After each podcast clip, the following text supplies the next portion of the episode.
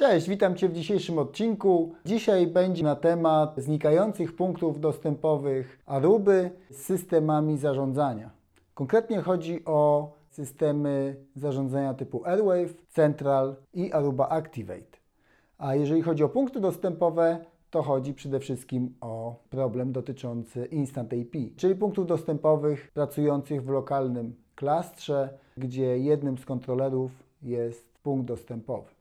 Na czym polega problem? Problem polega na utracie komunikacji e, punktów dostępowych w trybie YAP z systemami zarządzania. I dlaczego się tak dzieje? Stało się to widoczne 7 lutego 2020 roku, ponieważ właśnie tego dnia wykazł jeden z certyfikatów, który był związany z tym urzędem VeriSign.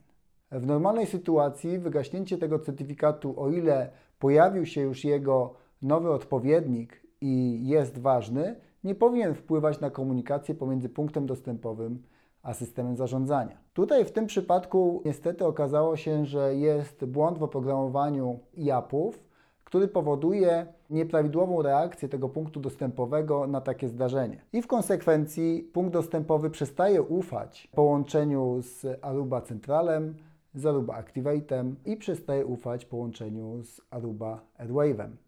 Efekt dla użytkownika tych urządzeń jest taki, że administrator przestaje widzieć w systemie zarządzania punkty dostępowe, które pracują w trybie YAP. Dobra wiadomość jest taka, że nie oznacza to zatrzymania pracy tych punktów dostępowych. Czyli użytkownicy w tych lokalizacjach, gdzie pracują te klastry, nadal funkcjonują, mają swój dostęp pracowniczy. Jeżeli jest tam dostęp gościnny, to również on jest realizowany. To, co nie działa, to jest przede wszystkim komunikacja monitorująca możliwość konfiguracji z centralnego systemu zarządzania wszystkich klastrów. Jeżeli taka sytuacja nastąpi, to oczywiście przełącza się ten klaster, który traci możliwość komunikacji z nadrzędnym systemem zarządzania, przełącza się w taki typ administracji lokalnej i można oczywiście tym klastrem w ten sposób zarządzać. Wyobraź sobie jednak, że wielu klientów, których znam, ma taką sytuację, że tych klastrów w swojej sieci ogólnopolskiej, a czasem i globalnej ma kilkanaście, kilkadziesiąt, nawet kilkaset. I sytuacja staje się trudna z punktu widzenia zarządzania zmianą konfiguracji czy aktualizacją oprogramowania. Których wersji oprogramowania to dotyczy? Praktycznie dotyczy to wszystkich punktów dostępowych YAP w oprogramowaniu, które było dostępne przed 7 lutego 2020. We wszystkich liniach oprogramowania zostało to już poprawione, w związku z tym wystarczy, żeby ten błąd poprawić, zaktualizować oprogramowanie danego klastra access pointów. Tutaj jest ważna rzecz, którą warto sprawdzić. Nie wszystkim administratorom te punkty dostępowe już zniknęły, mimo że to oprogramowanie, które działa na punktach dostępowych, posiada ten błąd. Dlaczego? Dlatego, że jeżeli to zestawienie połączenia z Airwave'em, z centralem jest cały czas utrzymywane, czyli nie było restartu systemu zarządzania, nie było problemu z połączeniem sieciowym pomiędzy systemem zarządzania a punktami dostępowymi, to ten problem się nie ujawni, jeżeli to połączenie zostało zestawione przed 7 lutego.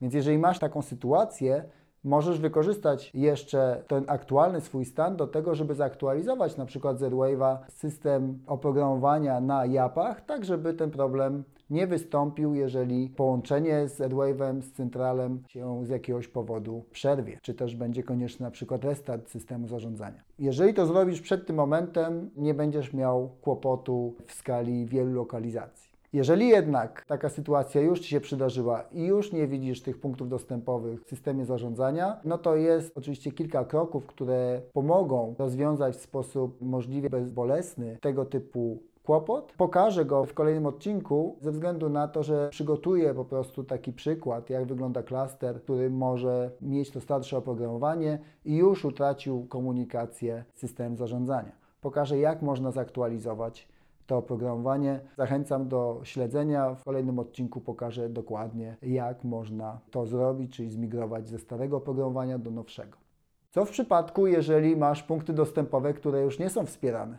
Tutaj niestety ten problem nie zostanie poprawiony, ponieważ oprogramowanie dla punktów dostępowych niewspieranych już nie jest aktualizowane. A w związku z tym niestety pozostaje tylko zarządzanie lokalne. Nie dotyczy ten problem sytuacji, jeżeli masz instalację opartą o kontrolery bezprzewodowe Aruby i punkty dostępowe, czyli oprogramowanie na kontrolery i na punkty dostępowe dla kontrolerów nie zawiera tego problemu i nie tracimy komunikacji z punktu widzenia zarządzania pomiędzy punktem dostępowym a Airwave'em czy centralem. Tu oczywiście mała uwaga, jeżeli chodzi o typ kontrolerowy w centralu mamy bardzo ograniczone możliwości konfigurowania czy zmiany konfiguracji na kontrolerach. Jest tam tylko poziom związany bezpośrednio z fizycznymi portami lanowymi na kontrolerach.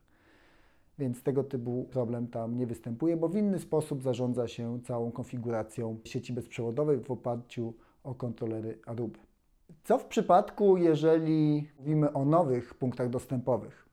Czyli kupujemy nowy punkt dostępowy, on ma starszą wersję oprogramowania, czyli taką, która posiada ten błąd i jak jest to rozwiązywane. Więc jeżeli mamy taką sytuację, że nowy punkt dostępowy jest instalowany w lokalizacji, ale ta lokalizacja ma możliwość komunikowania się z Activate'em, to ten punkt dostępowy, łącząc się z Activate'em, od razu zostanie wyposażony, czyli tam zostanie mu wysłana wiadomość, uaktualnij sobie oprogramowanie do najwyższej wersji, która jest pozbawiona tego błędu. Ciekawostką jest fakt, że ten punkt dostępowy nie może się połączyć w sposób szyfrowany z Activate'em, ponieważ ten problem w oprogramowaniu powoduje, że nie ma możliwości zestawienia szyfrowanego połączenia z Activate'em. I na ten właśnie scenariusz Aruba daje możliwość komunikacji od strony punktu dostępowego w trybie YAP do Activate'a po porcie 80, czyli w sposób nieszyfrowany. Pamiętać jedynie trzeba o tym, że taka komunikacja powinna być dopuszczona, jeżeli chcemy zrealizować tego typu scenariusz, czyli żeby punkt dostępowy z lokalizacji mógł się po porcie 80 dostać do Activate'a. Wtedy automatycznie się zaktualizuje. Co w przypadku, jeżeli mamy klaster tych punktów dostępowych, a klaster składa się z różnych modeli? Miałem ostatnio rozmowę właśnie, pozdrawiam tu Marcina, który ma w swojej sieci różne punkty dostępowe ponieważ jeżeli popatrzymy sobie na to, jak szybko modele różnych punktów dostępowych migrują, to to jest relatywnie krótki okres, rzędu dwóch, trzech lat. Więc jeżeli klient e, posiada dany zestaw punktów dostępowych w swoim klastrze i chce dokupić nowe punkty dostępowe, to się często może okazać, że po prostu już nie ma możliwości dokupienia punktów dostępowych starszych. No, w związku z tym zostaje opcja kupienia punktów dostępowych aktualnie dostępnych ale oznacza to, że łączymy w danym klastrze punkty dostępowe różnych modeli.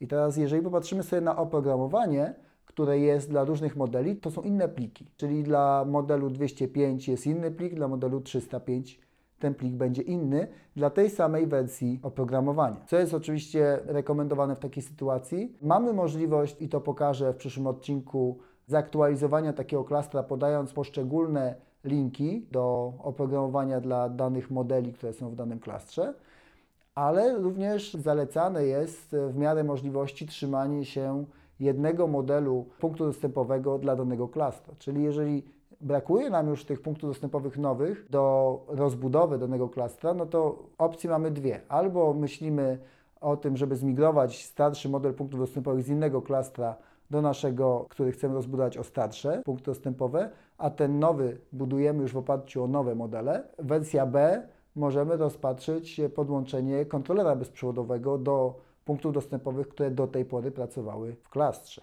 Obie wersje dają nam więcej elastyczności przy upgrade'ach takiego modelu i przy sytuacji, o której dzisiaj rozmawiamy, również jest nam łatwiej. Na dzisiaj to tyle. Jeżeli masz jakieś pytania co do tego zagadnienia, to oczywiście napisz w komentarzu. Jeżeli będą jakieś e, jeszcze elementy, które Was interesują, a ich nie poduszyłem, to postaram się na nie odpowiedzieć w kolejnym odcinku. Także do zobaczenia, do usłyszenia w kolejnym odcinku.